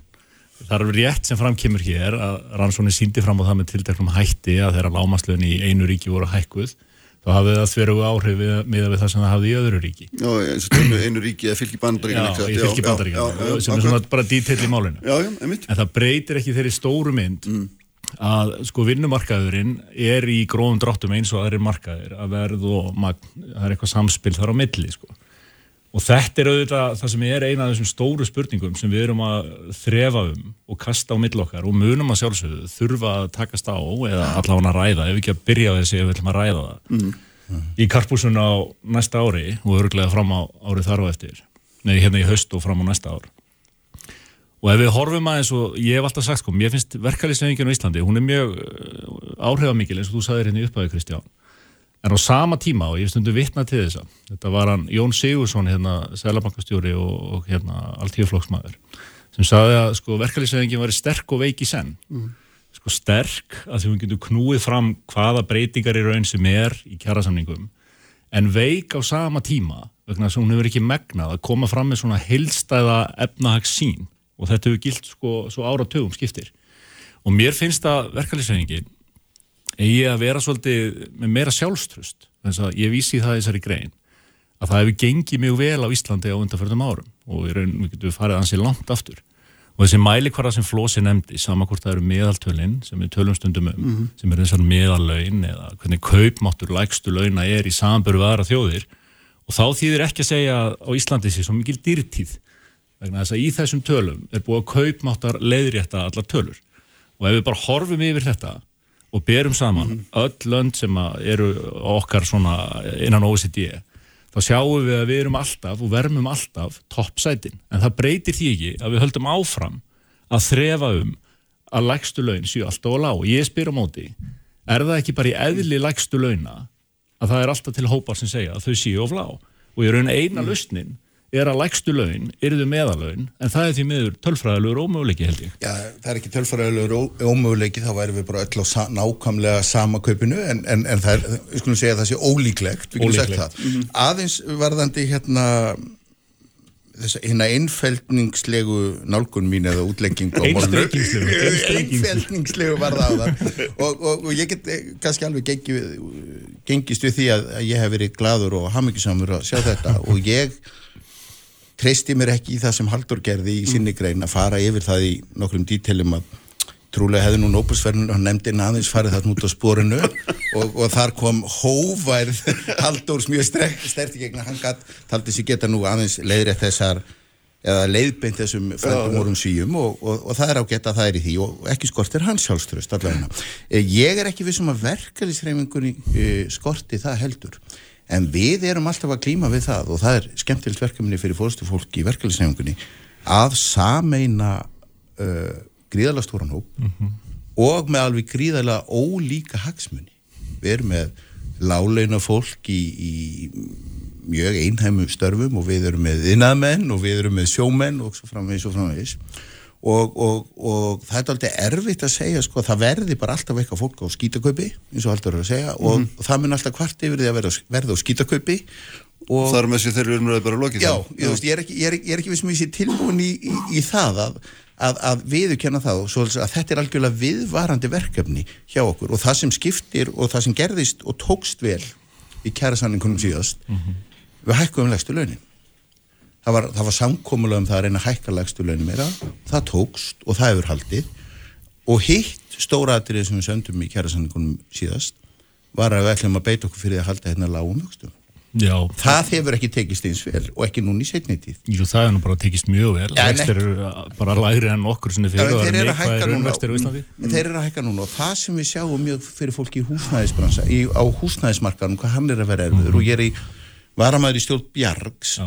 svo maður mað sér það líkur þeirri áttinni bara það, það er íbúðir það öryggi sem það fólk býr orðið við það borgar ekki doppast að lága að leigu mm -hmm. en það er aðalega bara hvað það er mikið öryggi og mm -hmm. þú ert að fá þar, við erum að fá þar inn uh, fólk sem flyttur inn í Bjarg sem hefur kannski flutt 10-20 sinnum á síðustu árum mm -hmm. veist, með öllu því róti og, og, og sem því fylgir fyrir þau og böttir og allt það og nú er það bara komin í húsnæði for life mm. á einhverjum viðræðanlegum kjörum. En að því að Flósi nefnir sko hóvarðina Já. á einhvern veginn klingdi það í höfðin á mér sko, ég held að það hefur verið Churchill sem sagði þetta um kollega sinn Alli hann er sko hóvar maður og hefur ríka ástæðu til það er nú svona það sem er dætt í hug þegar ég las sko aðra svargrein Flósa þar sem að, hann fór að saga mig um að eins og hann hefur gert hérna reyndar held ég svona í hálkjæringi að vera leiðrétta misfæslur nóbæsverðanlendarinnar ég, ég gerist nú bara svo frekundi fjörsins að fara yfir að Já, sko, hagfræði er ekki alveg,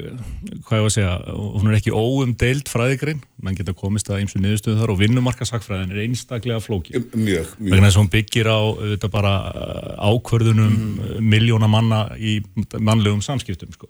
Og þess vegna er mjög erfitt að draga mjög vítekara álíktanir þessu. Það sem við getum hins vegar hér er að máta svo litið þetta ástand sem hefur skapast. Og þetta COVID sem við vorum að ræða hérna fram á kaffestofunni, það er ekki að hjálpa okkur að neynuleiti en það sem við sjáum hins vegar og ég vil segja að það séu svona teikn á lofti og ég held að séu um það byrjum svona tvö ár síðan ég byrjaði að tala um þetta.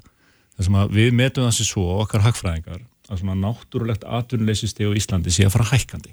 Hvað þýðir það? Já það eru, við búum við herra jafnbæis atvinnuleysi en áður.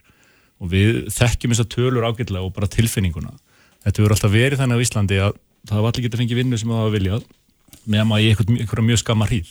Og við sjáum núna að atvinnuleysið hefur lækkað en það þarf að greina tölunum svolítið betur. Og það er áhyggju efni finnst mér að það er að vera færsla á milli skamtíma atvinnuleysis mm. yfir í svo kallar langtíma atvinnuleysi. Og það er eitthvað, svo ég komi nú með enn annan frasan hérna, mm. það er ekki bara eitthvað sem að verkefliðsefingin og aðeilar vinnumarkaðarins við stjórnvöld að heldur er þetta eitthvað samfélagslega breyting held ég sem við erum að sjá? Sem þarf korki meirinni minna, bara að ræða við eldúsbor og landsmanna, við þurfum að ræða við börnun okkar frænsískinni, fóreldra, sískinni og svo víðari, en ég held að við getum öll verið samálum það að fólk á ekki að vera atvinnulegst eða atvinnulegsiskrá, svo lengi sem vinnir að hafa. Ég ræði við marga hringir í hringu landi og það gerir flosi líka.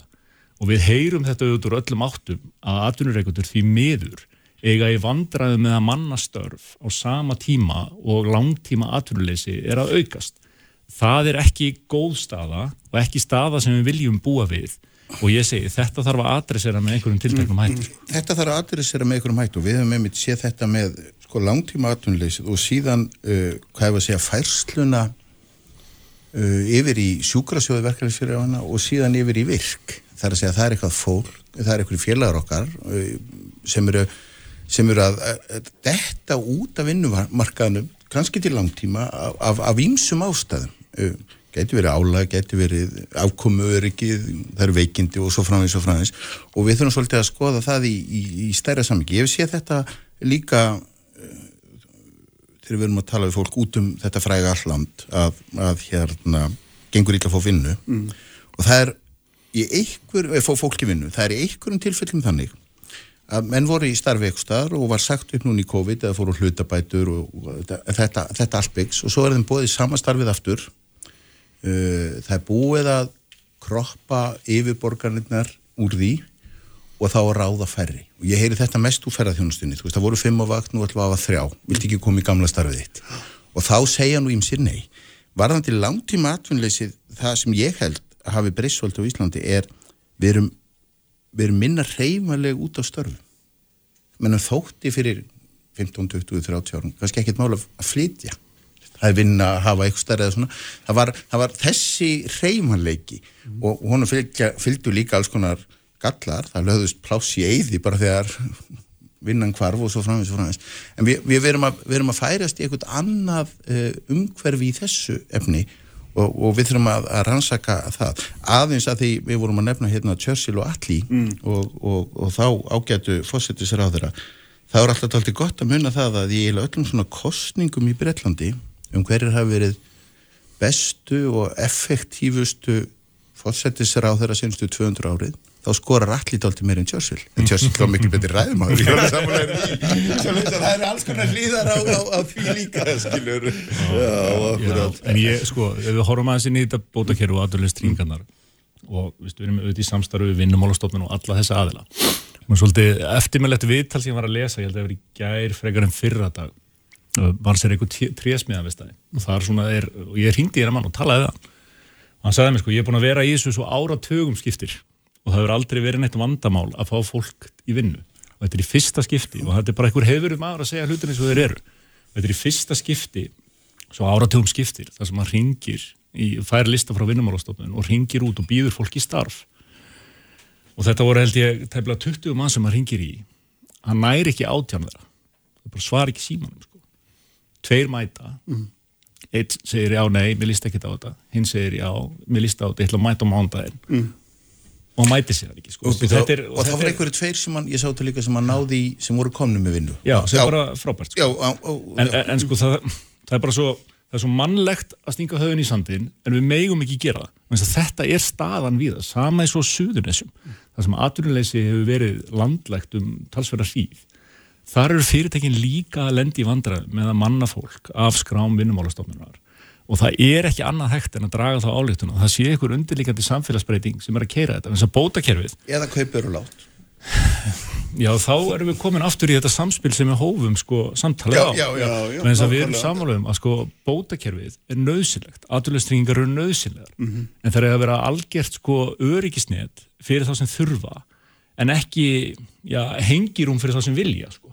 Veist að fólk verður Finnst að þér að vilja vera vinna. þannig núna, þessi hengir Ég- um fyrir það sem vilja? Þetta myndi ég ekki orða það með þeim hætti. en ég er að segja En þú sagðir það samt. Þegar en við erum ég með- að svona hópa, bara Það- það klára flósi þegar við erum með svona stóra hópa sem er í raun að vera að bjóða þeim vinnu og segja, neða, ég hérna, minnst nú ekki alveg á það sko það er ekki gott sko, auðvitað er ég ekki að segja að allir er að taka öllum störfum, Nei, nei. en það er þannig að þetta er ekki einn, tveir eða þrýr atvinnureikendur þetta er mengi atvinnureikenda sem er að reyna að manna störf sko. en, en það er en, en er þetta ég, ég held að sé ofsalega fáir sem eru atvinnleysist í langtíma af ykkur vali. Og, og, og ég held að það það, það sé ekki það sé eiginlega ekki vandamál. Það eru örglega ykkur en ég held að, að en, og, og það sem við hefum að skoða eru, undir, eru ástæðum fyrir að fólk þykkur ekki þá vinnu sem því býðst. Hvað, hvað er það við það? Er það, er það þú veist, launin, er það umhverfið er það barnapössunin er og dýr er og langtanga, þú veist, það eru allir, allir þessir þættir. Og við eigum fyrst og fremst að tala um hvernig við ætlum að, að efla vinnmarkaðin og, og, og þannig að það hækki kaupið. Og núna semjum við náttúrulega lámuslegin þannig að þau eru alltaf með að við leggsta samnefnaran þú veist, ef við semdum öðrum hætti en á þessum heildasanningum uh, ég, mér finnst mjög trúlegt að fiskvinnslan eða sjárutvöðurum væri til í að semjum til dæmis stolti öðruvísi kaup, mm. samsetningu en ferðarþjónustunum svo framins svona, það er partur af okkar vinnumarkað sem við sjáum til dæmis stolti öðruvísi á, á, á Norðurlöndunum hjá, hjá félögum okkar þar, það sem er semja með rétt í starfsgreinum, ég er ekki vissum að sé betra það er alltaf öðruvísi. Og, og, og við hljótum að velta þessu einhvern veginn svona fyrir okkur í þessu heiltar samhengi að því það er sko mannskemmandi og um það eru fjölmarkar rannsóknir sem ég held að við munum ekki drífast um að atvinnleysi er mjög óholt. Já, fyrir, fyrir, fyrir persónuna. Já, já. Það, er bara, það er bara mjög óholt og það veldur sjúkdómum og, og heilsuleysi og slíkt. já, já. merkilegt nokk að, að, að, að það virðist verið einhvern veginn að, að það sé partur af okkar umhverfum að þurfa að vinna eitthvað þú veist. En ég tala, tala dálítið við kollega mín á Norðurlöndum sem er í samtökum aðurlýsins á Norðurlöndum sem er svona verið að bera undir það oft svona hittur svona þrís og fjóru sinum ári og förum aðeins yfir svona hvað er efst að bauði og hverjum og einum sko. Og þeir, eða þau sko þau trúa ofta ekki þeirri orra hríð sem við stöndum í hér sko. Til dæmis að debatera hvort að hlutfall bóta af launum hafi áhrif á vilja fólks til vinnu sko. Eh, ég vil segja þetta sé nokkurn veginn svona establisherað á Norðurlöndum að svo sé. Og til og með sænski kollegi minn sagði mig sögu sem ég ætla að endur segja segja þetta mjög hratt er að sko lægstulögin í Svíþjóð hækkuði mjög hratt á tímanbili og sem að varði í raun þess valdandi að hluti starfa bara bar sig ekki lengur. Það er að segja, alls konar störf voru bara lögð niður sem að bara stóð ekki undir hérna kaupgjaldinu. Og þau náðu í gegn breytingu í samstarfi verkefnisenguna um það sem kalla var ingangslön held ég að heiti á sænsku, Flósi þekkir þetta. Sem var í raun til þess að adressera þennan vanda að það væri fjöldi fólks utan vinnumarkaðar sem hefði kannski ekki skilgreinda hæfni eða reynslu eða færni og atvinnureikandur, svona til að gera mjög langa sögu stutta, skuldbundu sig til þess að kenna þeim eitthvað nýtt, kenna þeim eitthvað sem þau getur sett á ferilskrá og síðan farið áfram eftir 2-3 ár. Og ég veit ekki betur en að þetta prógram hafi virkað nokkuð vel. Þetta er skemmtilegt, Já. ég má, má skjóta hérna inn í að því eh, merkilegt nokk þá erum við líka í svona samstarfi með okkar félögum á Norrlundum ég er í stjórn eitthvað sem heitir Nordisk Union er það er mjög virðulegt. Já, mjög, mjög, mjög virðuleg samt, samtök. Og, og reyna, þeir fundið alltaf á mína hæfni í Skandinavi, sko, en, en þeir hafa einmitt verið að tala um uh, misnótkun á ingangslun og þeir hafi gert ákveðin mistök og það þurfa lagfærðu og svo framins og framins en það er, og, og ég uh, þar er gamla og þetta er líka í Þýskalandi með aðeins öðrum hætti þá neytur við kannski ekki mikið læri laun miklu minni réttinda. Mm -hmm. og svoleiðis að þeirra eru konið svolítið með tvískiptan vinnumarka ég held að þetta sé allt tiltöla hættulegt og við höfum haft það hér að þegar þú byrjar að vinna þá bara byrjar að vinna og ert auðvitað byrjar og þú veist, og vinnur þau upp eftir starfsaldur og hefni og svona en við höfum ekki bóðið upp á það að atvinnurreikundum gæfist einhvern veginn kostur að því að ráða krakka og innflytjöndur og, og svona á einhverju skítaköpi Já, en byttum við eða samt sko með svipa system sem er í raun system sem vinnumálastofnun er að gera sem heitir hefum störf sko. Já, en, en, það, Það sem við erum að Það er ekki er tímabundið einhver síður. Já, sem er tíðanbundið en svona, hvað ég var að segja, það leggjast allir á árarnar, ef þú ræður fólk að atvinnuleyskrá, mm. þá færðu það tilbaka að hluta. Já, leggjast og leggjast allir áratnar sem sagt, við höfum verið að styðja sem sagt, ríkið, þegar ég segi við við COVID ástandi og, og mann hefur stundu fundist og við höfum bent á það að söndu félag sem hafa nýtt sér þessi úrræði sagt, fyrirtæki sem hafa nýtt sér þessi úrræði manni síndist nú ekki að, að þeir þyrftu mikill aðstóða að halda og kannski hefði eitthvað af þessum hlutum átt að vera í formi einhvers konar lána eða endugreislu eða eitthvað en ekki svona þessir beinu styrkir en, en við ætlum svo ekki að rífast um það allt saman. Nei, nei. Og, og sömt að því hefur tekist ágætlega en ég finnst það sem þessi umröð okkar hald og sínur hér og, og, og svona skeitasendingar í blöðunum er að það er eitthvað svona degla eða ólga í þessum vinnu markasfræðum og það er svolítið gaman að veltaði fyrir sig hvort að við hefum kannski að hugsa aðeins nýtt prógram eða, eða nýjar lausnir eða, eða, eða, eða, svona, það, það, þetta sé að verða floknara með tæknibreitingum og því öllu saman og ég ætla nú að reyna að komast hjá því að nefna fjórðu innbyltinguna því að veit ekki hvað það þýðir. En því skilur við séum á leiðinni inn í einhvern veginn öðruvísi vinnumarka og það er skemmtilegt. Já, já, ég, auðvitað sko, við erum bara að taka það fram að það styrkir til þess að ráða fólk að atvinnuleyskrá er ekki styrkir til fyrirtækja sko, en þú eru verið að hvetja fyrirtæki til þess að taka fólki í virkni sko, mm -hmm. við skulum bara byrja þar.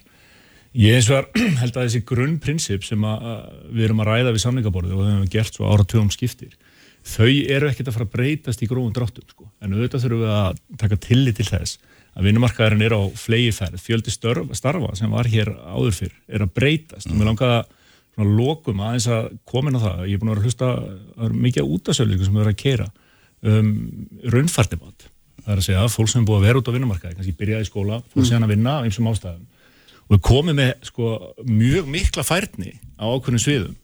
Og getur verið að fara núna og farið í skólana og fengið raunfærdimat, fengið sko hæfni sína metna og þetta er eitthvað sem við höfum að gera í miklu ríkari mæli. Og aftur Þetta er samstarf sko aðalega vinnumarkaðin sem við skilja þessu. Og, og þetta hefur sérstaklega verið upplugt í, í hjá innamönnum eða í inngreinunum og gengið frábælega og, og, og mikið að fólki fari í gegnum þetta. Þetta hétt á mínu vinnustad þegar ég var að smíða menn það fengið ráðhrabrif sem var svona aðeins öðru vísi en, en nú er þetta með mjög skipulegum Og fá mér það einhverju umbun ef að Já, eftir svo að hæfnið er metið meiri Já, já, þá, og, og, og, og, og það sem hefur verið Er að þetta ekki bara ígildi sveins? Jú, en það sem hefur verið aður unnfærni matunu er að það hefur verið að meta það hvað búið með mikið af, af, af þekkingun og reynslunum til þess að geta farið í sveinsprófið. En það sem okkur vantar kannski eh, í raunfærni matskerfið á Íslandi er hérna fyrir neðan. Að þú, því þurfi ekki alltaf að ljúka með sveinsprófið eða einhverju formlegu prófi heldur, hörðu, þú kannt þetta og heit og við ætlum að meta það og við ætlum að meta það til launa. Og Norðurlöndin, að þau eru nú að ræða þau, þau hafa verið að horfa í þessum uh, fræðslumálum og atvinnlífinu til Íslands í þessu og þetta höfum við gert betur en margir aðrir. Svona, mat. ef maður, maður sumar þetta aðeins upp að þá, þá, hérna, þá er alveg greinlegt að það eru til fjölmarkar leiðir, fjölmarkar lustnir til þess að hérna, auka færni fólks, hækka kaupið hjá því, án þess endilega að vera vesenast í einhverjum hérna, samningum eins og við erum með hefbendi. Við getum unnið þetta greinlega líka hérna, beggjaugna frá. Já, já, mark, markaðurinn leysir þetta ágætlega sko, en ég held að það sem kannski er undirlíkandi tótt hvað var þetta raunfærdi mat er að þetta formlega mentakerfi er bara hluti af mentakerfinu það eru fleiri leiðir til þess að öðlast færni og getu en að fara í gegnum skólan og setja frá Ég- 8 til 1 sko. Ég segi til dæmis mjög oft um, um starfsgrunnarsabatu og þá 70.000 félag sem er í því að flestir þeirra hafi litla formlega mentun en ég held að þeir séu mjög margir afar vel mentaðir Já. þeir hafa bara kannski ekki fengið neitt bevís um það frá neinum skóla. En mín svona hildrana niðurstöð eftir að hafa lesið þessar skeitasendingar millir mín og Frosta í, nei, og Flosa í blöðunum Vist að nefni smiðin sko, að þar sé nú verið að hengja hagfræðingur smið. Það er nú alltaf hægt að segja neitt og eftir svona spaklir andu að senda annað en bara takk fyrir komuna og hérna við sjáum, það verður nú bara gaman að fylgjast með ykkur hérna þegar þið farið að setjast við samningaborðið aftur og þarna móta efnarstefnu Íslands, aðeinslega vinnumarkaðarins, er það ekki, er hún ekki mótuð þar? Já, Nei, ríkistjóðin gerir það, segjum það Herru, takk fyrir að koma báðið til Takk Flósi sömuleiðis. og Aldur Benni minn, ég ætla að vera hérna áfram Hann ætla að koma til minn Björn Bjarki Þorsteinsson sem er forma stjórnaformað samtaka fyrirtækja í velferð þjónustu Sprengisandur á bylgjunni. Uppspretta frétta á Sprengisandi á bylgjunni. Særi hlustendur aftur, uh, þeir eru farnir fram með Flósi Eiríksson og um, Haldur Benjamin Þorbergsson og við spjalla hér um vinnumarkaðin en til mínu komum Björn Bjarki Þorsteinsson sem er sem er stjórnaformað samtaka fyrirtæki í velferðarþjónustu, særi blessaður og velkomin Takk hjá þær. og hérna e, sko þarna Mér langaði að ræða eins við þig um þessa um grein sem þú skrifaði í félagi fleiri í viðskiptablaði fyrir nýverið og þar sem að þið voru hérna svo kurtis að setja ríkistjórninni hérna verkefni og hérna ég held að það heitið á, á to-do-listanum er þetta aðalverkefni. Þið nefnið hérna þrjú verkefni í velferðarþjónustunni. Og þarna sko að því að við erum alltaf að tala um og þarna erum við fyrst og fremst að tala auðvitað um eldra fólk og þessa sprengju sem er að, eða sprengju, þannig að mikla fjölgun sem verður í þeim hópi og það miklu þarf á aukinu þjónustu sem verður fyrir sjáanlega og ég meina hvernig svona, ef, ef ég spyr því svona almennt, bara, þú veist sjáu þið fyrir ykkur í augnablikjun að við munum ynga veginn standa undir þessu óbreyttu skipulegi eða hvernig, hvernig er staðan? Herru, takk fyrir að, fá að hérna, takkifæri til að hérna, fylgja þessari grein okkar vel. og hérna við vorum svo kurtið sem þú segir að, að hérna, fylgja í rauninni eftir samtölum sem við áttum við frambjóðandur í aðdraðanda kostninga og, og áttum við samtöl þar við fulltrú allra þeirra sem að nú eiga fulltrú á alþingi í aðdraðanda kostninga eins og ég sagði. Og vorum að fara yfir rauninni þau verkefni sem aðeldafjölu innan samtaka fyrirtæki velferðarþjónustu standa fyrir. Það eru 46 aðaldafélög sem að, að samtökunum standa og ekki bara hjúkunar og eldrunaheimili heldur líka S.O.A. Reykjalundur og, og, og fleiri sólheimar og fleiri öflug aðaldafélög en auðvitað er það svona öldrunni sem er svona þungin í, í, í samtökunum. Og eins, eins og margóft hefur verið rætt bæði aðræða kostninga og, og hérna bara síðasta kjörtíðanbílu áður að við sjáum að, að öldruðum er að fjölga gríðarlega. Og, og við þurfum sem samfélaga að mæta því. Við þurfum að, að þóra að taka samtalið um hvernig við ætlum að leysa málið og, og við, við getum gert það best saman innan vefanda okkar samtaka er gríðarlega þekking. Eh, við erum fjölmennasti vinnustöðu sjúkrarlega á landinu aðaldafélög SFF hjúkurnarfræðingar, þar eru við næst stæðsti vinnustöður þeirra stjættar og eftir landsbytalanum mm. og, og all, allt það góða ófaglarða og, og reynslu mikla fólk sem vinnur okkar vefbandastarfar, þannig að það er gríðarlega þekking og reynsla og það sem við erum að kalla eftir til að mynda þessum minnislista sem að, hérna, þú opnaði samtala okkar á að þar eru við að kalla eftir því að við fáum aðkomu að þessu samtali með, með ríkisvaldinu, með stjórnvöldum að því okkur hefur fundist við svolítið vera glemt eða ekki hleyft að borðinu að því, að því aftur, menna, það er þekking og reynsla sem að getur nýst að því við vitum það að, að við eigum ekki að, horfa á að bara aldraðir séu vandamál það, við, við erum svolítið upptekinn af því Já. við erum frá, fráflæðisvanda og alla þessa vandamála hópa Já. þetta er ekki þannig að því að aldraðir eru sko við þekkjum í dag að, að aldraðir eru mun betur á þessu komnir, gætu hérna hjálpa mikið til á vinnumarkaði og líka við úrlust þessa verkefnis, ekki vandamáls sem við stöndum fyrir að, að öldruðum er að fjölka og þeir verða ekki allir á hjúkunaheimilum við veitum það, við þurfum að epla heimaþjónustu og, og, og þar gætum við líka komið að, að málum. Þa, það er verkefni ríkis og Er, sveitafélag er þetta svona, þetta samtal sem þú ert að lýsa er, erum við ekki byrjuð á þessu? Að það er mjög mikið búið að ræða með þetta svona ofnbærum vettvangi en, en svona það sem að kemur ákvarðanatöku og stefnumótun er, er það stutt komið? Já, sko samtalið, en það, samt sem áður að það var sett á stað vinna síðastliðin uh, vetur sem að endaði með heilbreyðistingi núna í ágúst, það sem að heilbreyðisáðandi sett á stað vinnu við, við hérna, stefnumótun í tjónustu við aldraða, en, en það var eins maður nefnd, afskaplega hæfur einstaklingur sem held utan en það, en það var ekki sko, það var ekki samtal og víðum grunni sem að þar var leitið til að, þeirra afura sem að þessi skýsla varð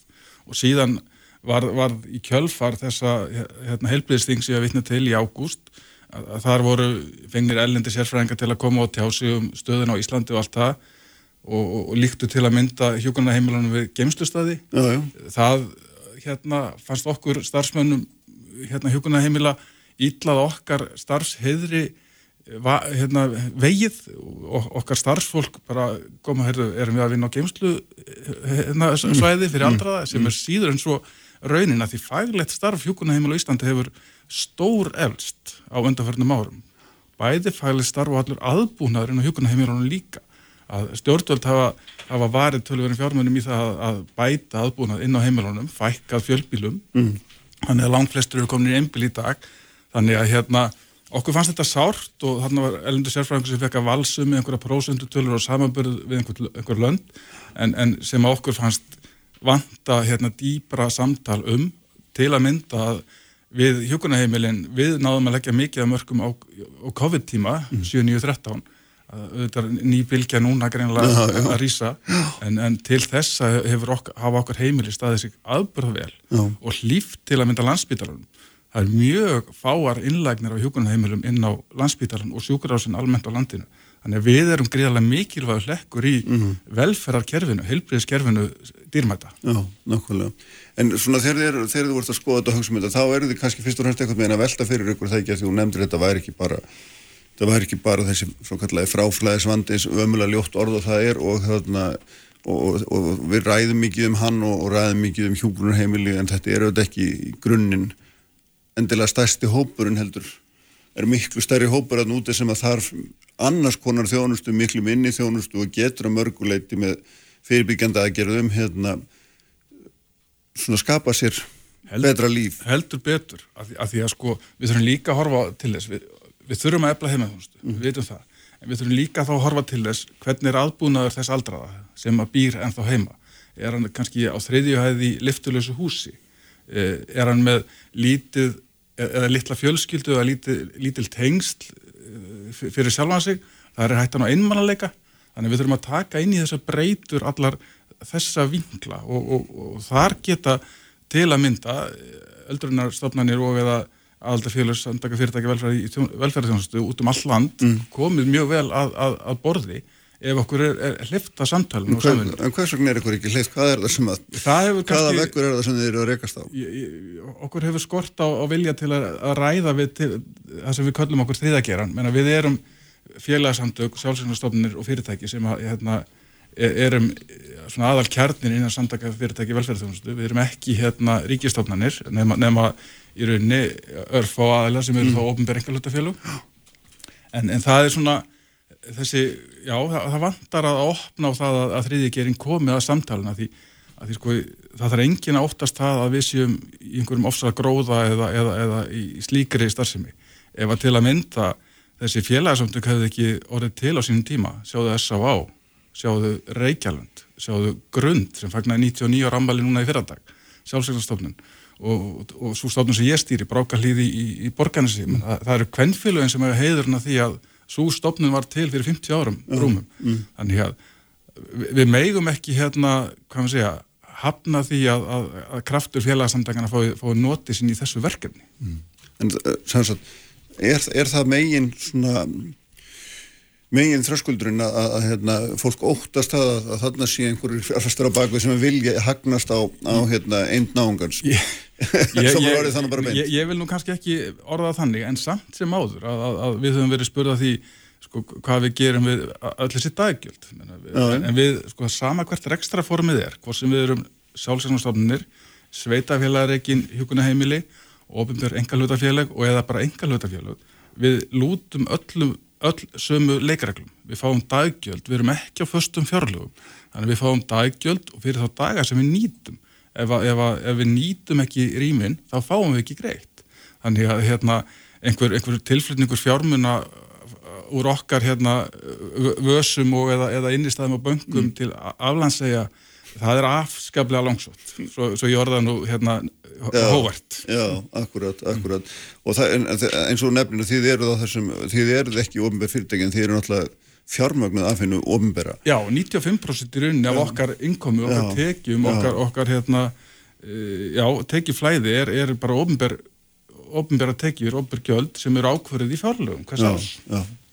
Og það hefur auðvitað staðið styrir um þetta núna í mörg mörg ár, hvernig maður reiknar út þessi svo kallu daggjöld, hvernig hvað, hvað það kostar í raun og veru og það eru auðvitað að hafa hérna, en mistúst að maður markar þess að skýslu Gilva Magnússonar hérna um dagins eða hérna fyrir einhverjum vikum segir sem hann gerði þá, þá náttúrulega er mikið halli á Já. þessu kerfi öllu saman og, og svo skiptir miljardum í raun og veru sko. Hárið, rekstur hjókurna heimilega hefur verið afskaplega þungur undan fyrir náður.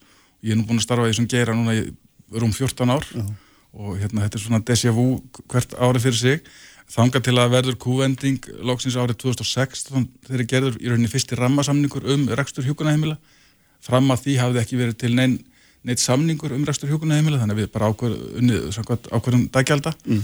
en hérna árið 2016 kemur inn, koma inn nýjir fjármunir, rúmur miljardur inn í hérna rekstargrunnin og hérna það, það breytti miklu. En síðan þá hefur verið saksað á þennan miljard, það hefur verið aðhaldskrafa hjúkunaheimilin reglulega þrátt fyrir auknar byrður menna það er, það er við erum að tala um hérna uh, persónavend jafnlegunavottun mm. og allt það þannig að, að, að það hefur ekkert breytt grunninum og það hefur verið saksað á hann þannig að þessi miljard er, er farin og rúmlega það þanga til núna þess ári að við, við fengum núna í, í, í sumar miljard inn og, og í rauninni 1,3 miljardar því að það var hort til leðréttinga vegna ásins 2019 og 2020 þannig að við erum að vona svo sannlega til að, að það verði í rauninni breyti grunninum þessi 1,3 miljardar kom mm. inn í grunnin sem verður unnið út frá þegar, þegar fjárlög var ákverðuð og hort til þessara skýslu sem þú veitnar til Kristján, Gilvarskíslunar þar sem að Gilvi Magnússon hérna stýrði nefnd sem var sett á laginnar á frumkvæði helbreyðsafandisins og tók út rekstur hjúkurnaheimilana allra mjög grúndíkt mm. í fjögur ár, allt frá ánum 2017 og það síndi það bara á sannaði svart og hvítu að það sem við höfum haldið fram hérna rekstaraðalega hjúkurnaheimila í rauninni áttu við röka stiðjast að öllu leiti þannig að og, og ég bara el þá von í brösti að, mm. að til hennar verði hort og, og þetta verði grunnurinn að því að rekstur hjúkurnar og, og, og dvalarheimil ennú bara þannig grunn að, að rúm 80% af okkar útgjöldum eru laun til okkar frábæra starfsfólks og hérna og það sem er, er umfram það, það, það þurfum við að verja í, í hérna innkaup á, á livjum, mat og, og læknistjónustu og öðru mhm. slíku þannig að það eru ekki feitan gölda flá og síðan kemur það náttúrulega fram og hefur marg verið rætt að, að það er að við erum ekki að fá húsalögu fyrir, fyrir hérna, við fáum húsnæðisframlag sem í raunin ekki neinn raun húsnæðislega þannig að, að viðhald og annars líkt á í raunin mjög undir högg að sækja hjá okkur í okkar mm. gera mm. Hvað, þú veist, ef maður reynir að horfa aðeins inn í framtíðina og, og hérna, hver er fjárþörfin? Hafa mann eitthvað gert sér einhverja grein fyrir því hvað þarf við raun að vera að setja mikið inn í þetta kerfi á næstu tíu árum svo að það geti staðið undir þeirri þjónustu sem við gerðan held í viljum öll að það gerir. Ég, ég held að við getum sko illa nefnt á tölu í dag ef við horfum til sko heldar málaflokksins mm. að, að því að við erum líka þá að horfa á ef við skilir rétt þjónustu heim og, og, og aðbúnað sko að, mm, Þú mátt búta þetta nýður en, en, en, sko. en sko varandi hjúkurnaheimilun og mm. þau hjúkurnarými sem er í rekstri í dag þá erum við að tala um og, og Gilva Skíslan nefnir þar 1,5-2 miljardar og, og þá vantar, og vantar húsaleg, húsaleguna til viðbútar og í rauninni 1,5 miljardar ef við notum þá tölu, það er ekkit óbásleg upphæði í stórumyndinni en, en síðan höfum við líka bent á það að við höfum mörg hjókunarheimilin sveigrum til þess að fjölga hjá okkur rýmum innan hús í núverandi húsakosti með því að, að þess að breyta og bæta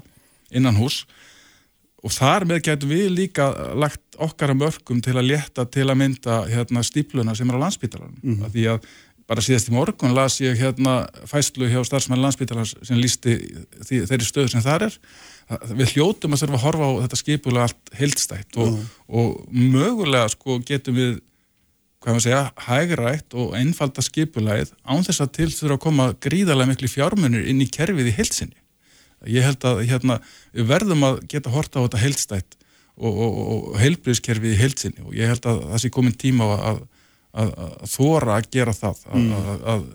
Að, það þarf eitthvað að gera til að kerfið virki eins og við viljum og erum stolt af. Hvern, hvern skortir kjark til þess að Er það ekki, ekki bara okkur sem samfélag og, og, og, og það er í rauninni pólitíkin sem ber ábyrðina á að endingu. Já, nú ertu nýbúin að sitja með öllum pólitíkursunum en, en, en vantilega það er allir lístu um miklum kjarki mjög, mjög til í samtalið og ég held að sko einstinni veit fólk hvað, hvað í rauninni þarf að gera. Og hérna og síðan þurfum við bara að snúa bökum saman og líka fagfólkið og við sem störfum í þessum gera, við meðum ekki alltaf fara hún í skotgrafiðnar og fara að verja okkar. Við þurfum að þóra að horfa á þetta mm. viðfóðsefni allt opnum huga. Hjúgruna heimil er ekki það eina rétta fyrir alla. Nei, þó að ég stýri hjúkurna heimili Já, og, og beri ábyrð á þeim rekstur við þurfum að vera svolítið djörf að hugsa til að mynda nýsköpun, nýsköpun, nýsköpun í þessum gera erum við að nýta alla möguleika hvað það varar? Ég held ekki.